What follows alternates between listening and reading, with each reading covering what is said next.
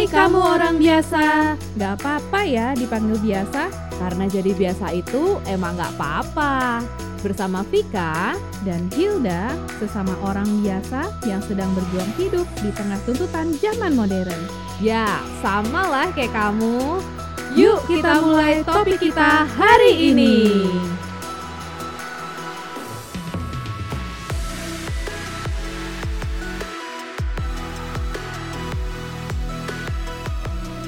Halo semuanya, apa kabar semua?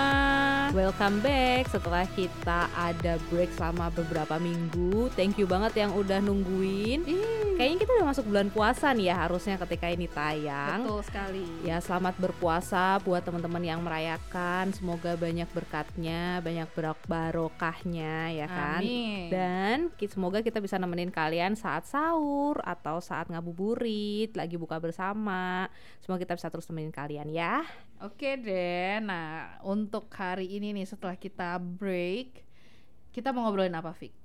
Kita tuh mau ngobrolin sesuatu yang sempat viral pada saat itu. Cuman menurut gue masih relevan sih karena kita mama-mama di sini. Ada yang bisa nebak nggak kita mau ngobrolin apa hari ini? Jeng jeng jeng jeng. Jadi hari ini kita mau ngobrolin tentang child free. Oke. Eh, kok jadi ketawa sih?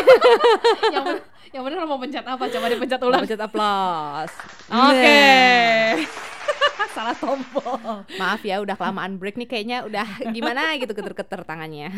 Oke oke. Nah sekarang tentang child free ini kita tuh mau ngomongin apa ya? Coba lu beri beri secercah dulu. Iya, karena sebenarnya kan sebagai seorang mama-mama itu yang kemarin kalian sempat ngikutin lah ya ada seorang influencer yang pernah dihujat masa beramai-ramai gara-gara berkomentar bahwa kalau nggak punya anak itu rahasianya awet muda. Ayo, udah tahu dong. Oh, Tahu tahu. Iya, iya. Nah, komentarnya itu memang dianggap kurang empati karena ya sebagai seorang ibu-ibu yang udah punya anak kok seakan-akan dan juga untuk orang-orang yang masih berusaha punya anak kok seakan-akan gimana ya cukup menyinggung gitu ya. Menyinggung, Dan ya. Mungkin dari cara ngomongnya juga sih ya gitu. Heeh. Seolah-olah gue yang punya anak ini kayak, aduh ya ampun lusuh, letih, lemah, lesu, Iya, udah tidak lu- bercahaya. Bener. Apalagi lu punya anak, terus lu nggak punya duit, udah abis hidup lu kayaknya lu paling nista di dunia gitu. Pokoknya kayaknya jadi ibu-ibu beranak itu adalah kayak kaum yang paling menyedihkan gitu, seolah-olah ya, seolah-olah. Ya, ya itu kan itu kan yang diperdebatkan oleh para netizen sampai yang gue lihat itu lucu banget kayak ngeliatin Sofia Lajuba lah, terus Oh. Wulan Guritno lah, mereka kan yang tetap bersinar gitu walaupun udah berusia dan udah punya anak tetap cakep gitu kan. Iya, karena karena memang menurut gue punya anak gak punya anak ya orang kalau mau cantik ya cantik aja sih ya. Iya dan nggak dan bukan cuman masalah duit sih menurut gue, maksudnya Betul. banyak faktor. Maksudnya kecantikan itu, aura itu kan juga keluar kan dari macam-macam ya kesehatan mental lu juga, lu happy apa enggak, environment lu Betul. dan lu mau ngerawat diri lu apa enggak itu semuanya kan pilihan gitu loh, termasuk pilihan mau punya anak dan nggak punya anak. Bener Nah, itu dia yang mau kita bahas hari ini ya. Bener. Kita nggak akan ngebahas tentang influencernya, kita nggak mau ngebahas tentang cara dia ngomong apa segala macam. Ya itu sudahlah ya, itu kan memang udah ranahnya dia, emang udah pekerjaan dia dan dia sudah cukup banyak lah dihujat dan kita nggak mau nambah-nambahin dihujat atau kita juga nggak mau nambah-nambahin kontroversi kita ngebelain dia atau apa. Tapi di sini sebagai mama-mama, kita Mm-mm. kepingin ngebahas sebenarnya child free itu right or wrong. Hmm. Punya anak itu right or wrong. Jadi sebenarnya harus bagaimana sih? Ya, nah coba kalau dari pengalaman lu sendiri punya anak tuh gimana, Fik? Menurut lu melelahkan, menyenangkan? eh mix ya. Mhm. Karena menurut gue punya awalnya jujur ketika mau punya anak tuh mungkin karena zaman dulu masih belum sebanyak sekarang ya informasi-informasi yang ada. Jadi di pikiran gue punya anak tuh sesuatu yang fun, exciting, terus habis gitu ya lucu, seru gitu kan dan apa ya maksudnya sesuatu yang fulfilled ourselves gitu bahwa ketika lu sebagai wanita lu udah punya anak itu eh, artinya lu kayak sesuatu udah sempurna gitu lah ya. Hmm. Karena mungkin menurut gue pandangan masyarakat sekarang ini yang punya idealisme bahwa punya anak adalah sebuah keharusan. Jadi pada saat itu jujur gue juga memiliki apa ya paradigma yang sama gitu, idealisme yang sama. Mm-mm. Ya punya anak tuh harus, apalagi lu menikah punya anak. Walaupun gue inget waktu itu Romo gue tuh bilang, yang waktu sebelum pernikahan tuh dia bilang Mhm. tujuan lu menikah apa?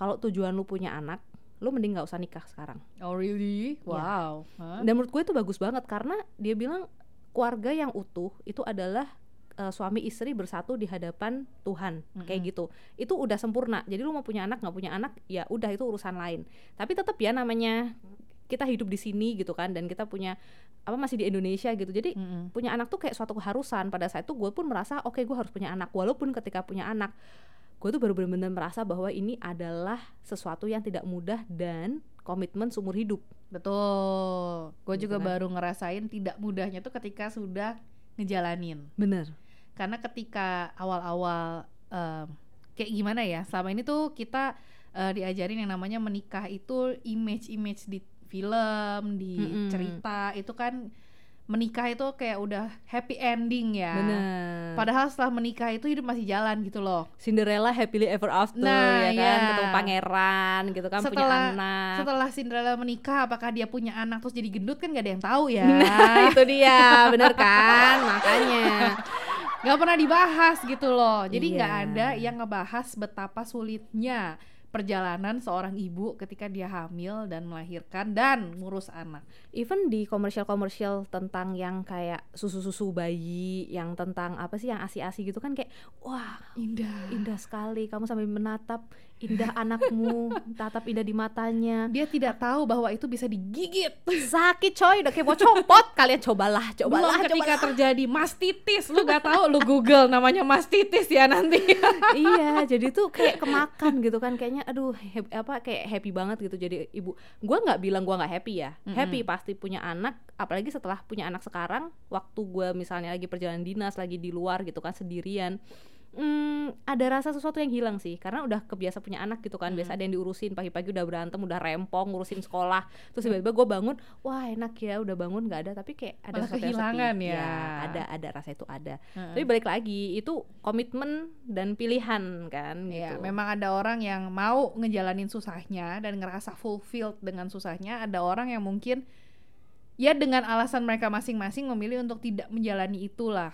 Ya apa Apa pun alasan mereka, ya kita nggak bisa ngewakilin mereka karena kalau kita kan berdua emang udah punya Sudah anak punya ya. anak. Jadi kita nggak tahu alasan mereka memilih itu, tapi mereka pasti punya alasannya masing-masing dan kita harus hormati itu gitu loh. bener dan itu balik lagi tadi nggak semua orang itu sanggup melakukannya mungkin karena mereka sudah lebih teredukasi daripada gua dulu daripada lu dulu pada saat itu Mm-mm. dengan berbagai macam informasi di luar sana sekarang wanita-wanita sekarang tuh udah lebih apa ya udah udah lebih pinter gitu kan. Terutama yang di luar negeri kali ya yang kayak di negara-negara barat mungkin mereka Hmm. udah ngerti.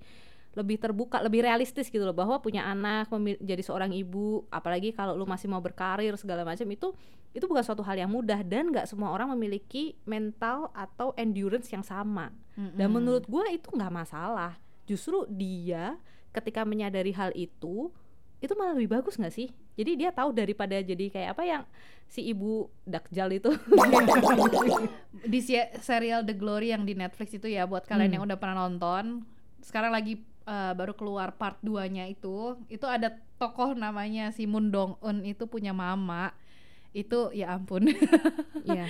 itu mendingan gak usah jadi orang tua sih. Bener. dan kalau kalau- dan gua rasa sih itu kan cerita fiksi ya. Tapi gua rasa ya di kehidupan nyata mungkin memang ada orang seperti itu. Ada. Dan gua tahu gua bukan gua tahu sih gua berpendapat bahwa memang tidak semua orang tuh bisa jadi parents gitu layak untuk jadi orang tua. Dibanding lu jadi orang tua seperti itu memang lebih baik jangan. Ya dan ketika ada orang yang sadar bahwa kayaknya gue kalau jadi parents akan tambah gila deh maksudnya gue jadi nggak waras dari segala macam dan dia memilih untuk tidak ke sana dan itu menurut gue itu malah justru suatu pilihan yang lebih bertanggung jawab. Hmm. instead of hanya ngikutin tadi yang dari masyarakat punya anak suatu keharusan akhirnya dia punya anak dan dia nggak bisa berkomitmen dia nggak bisa menyelesaikan kewajibannya malah jadi apa ya menelurkan generasi yang makin nggak benar gitu loh. Jadi kayak rantai setan gak sih maksudnya kayak Hmm. lingkaran setan yang berputar kayak gitu terus gitu loh Iya benar.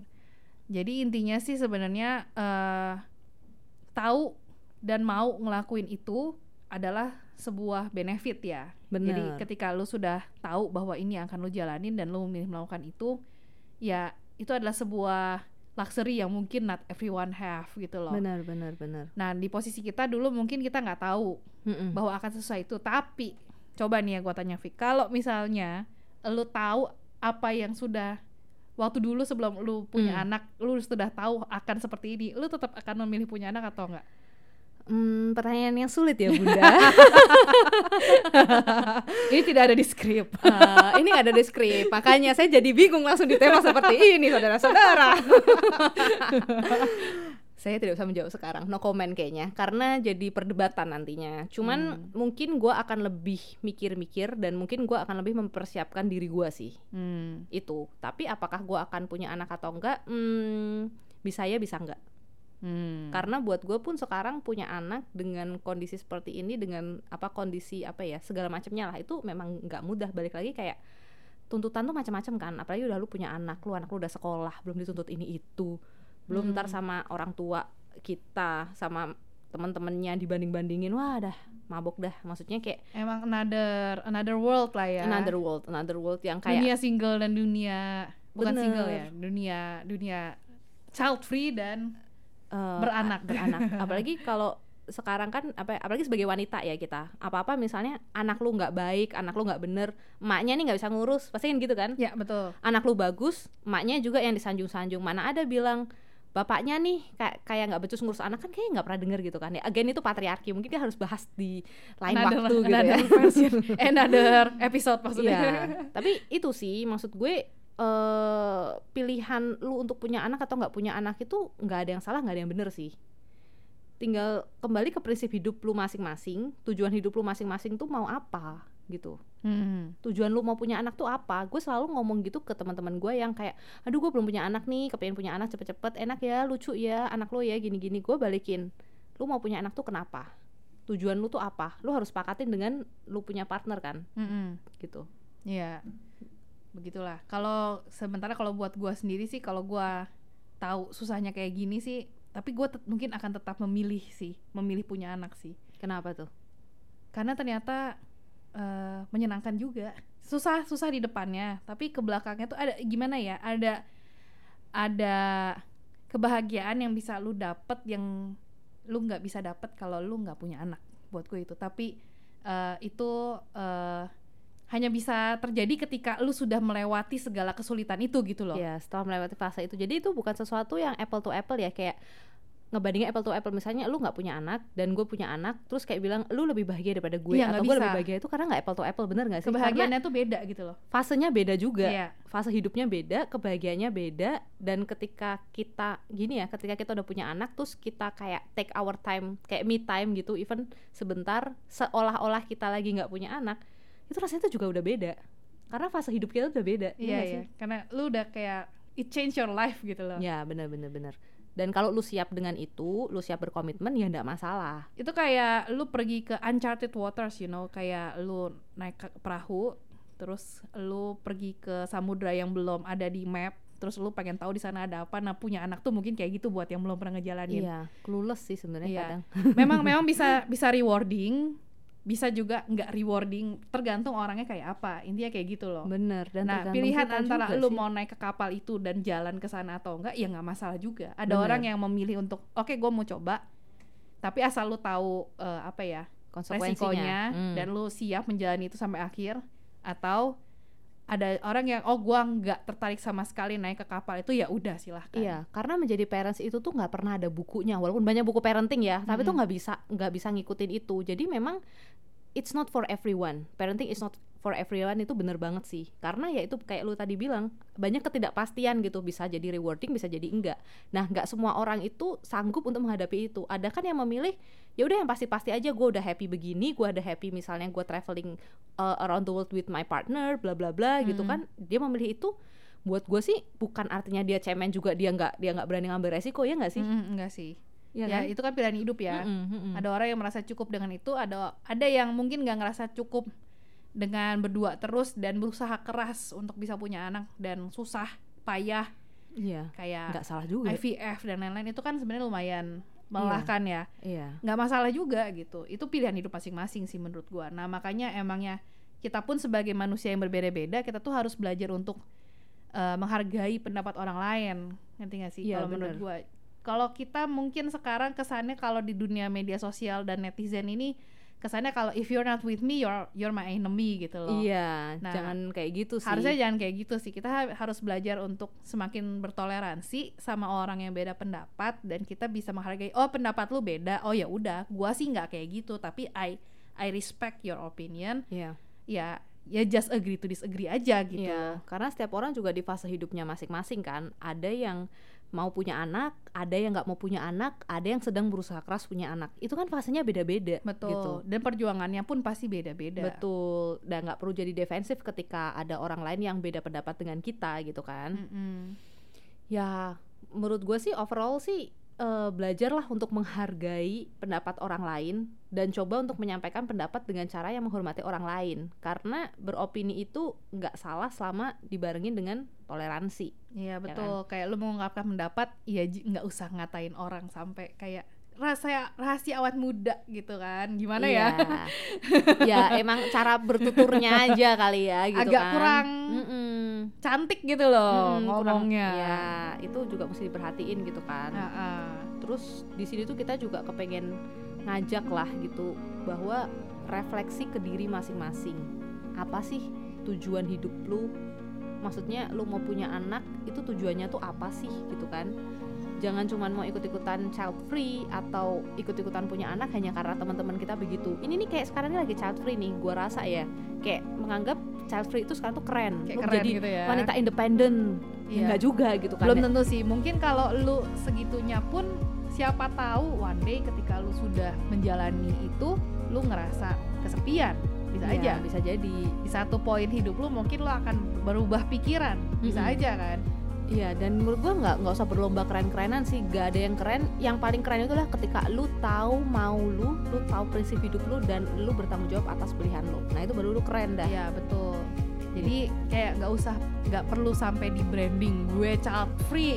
Mm-mm. One day lu berubah pikiran, lu sendiri yang bingung. Dulu gue udah declare gitu kan. iya bener-bener bener ya apa pun pilihannya nggak ada masalah nggak ada masalah tapi lu hidup sesuai eh, prinsip lu sendiri lah. Jangan Dan- ikut-ikutin tren bener. loh. dan yang paling penting bertanggung jawab atas pilihan lu terutama kalau lu udah punya anak inget-inget baik-baik ya bahwa itu adalah komitmen seumur hidup. Betul seumur hidup. Nggak bisa lu tiba-tiba nyesel kayak maknya Moon Un Ya, balik terus- lagi ke serial The Glory. Nah mau dibalikin lagi ke Seharusnya- kandungan lo ya udah nggak bisa coy. Sampai bilang seharusnya gua nggak pernah ngelahirin lu. Nggak bisa. Nggak bisa guys gitu ya. Jadi Iya. ya setelah ini mungkin sambil kalian berbuka sambil kalian sahur silahkan direnungkan gitu kan. Kalau yang lagi nggak puasa mungkin lebih banyak waktu untuk merenungkan gitu kan. Kayak agak berat ya topiknya. Agak berat agak berat. Tapi kita coba bikin santai lah ya. Jadi Ya. kayak kalian mulai renungkan hidup kalian dan dengan tetap terus dengerin kita yang pastinya sambil kalian merenung sambil kalian eh, melihat visi kalian ke depan mau kayak gimana nah jangan lupa untuk stay positif dengan dengerin podcast podcast kita yang kemarin itu udah banyak banget kayak udah beberapa episode untuk bantu kalian juga dan please share juga ke teman-teman kalian ke saudara-saudara kalian supaya tetap support kita Yeay. Yeah, okay. I think that's all for today ya. yes and See you on the next episode. Bye bye.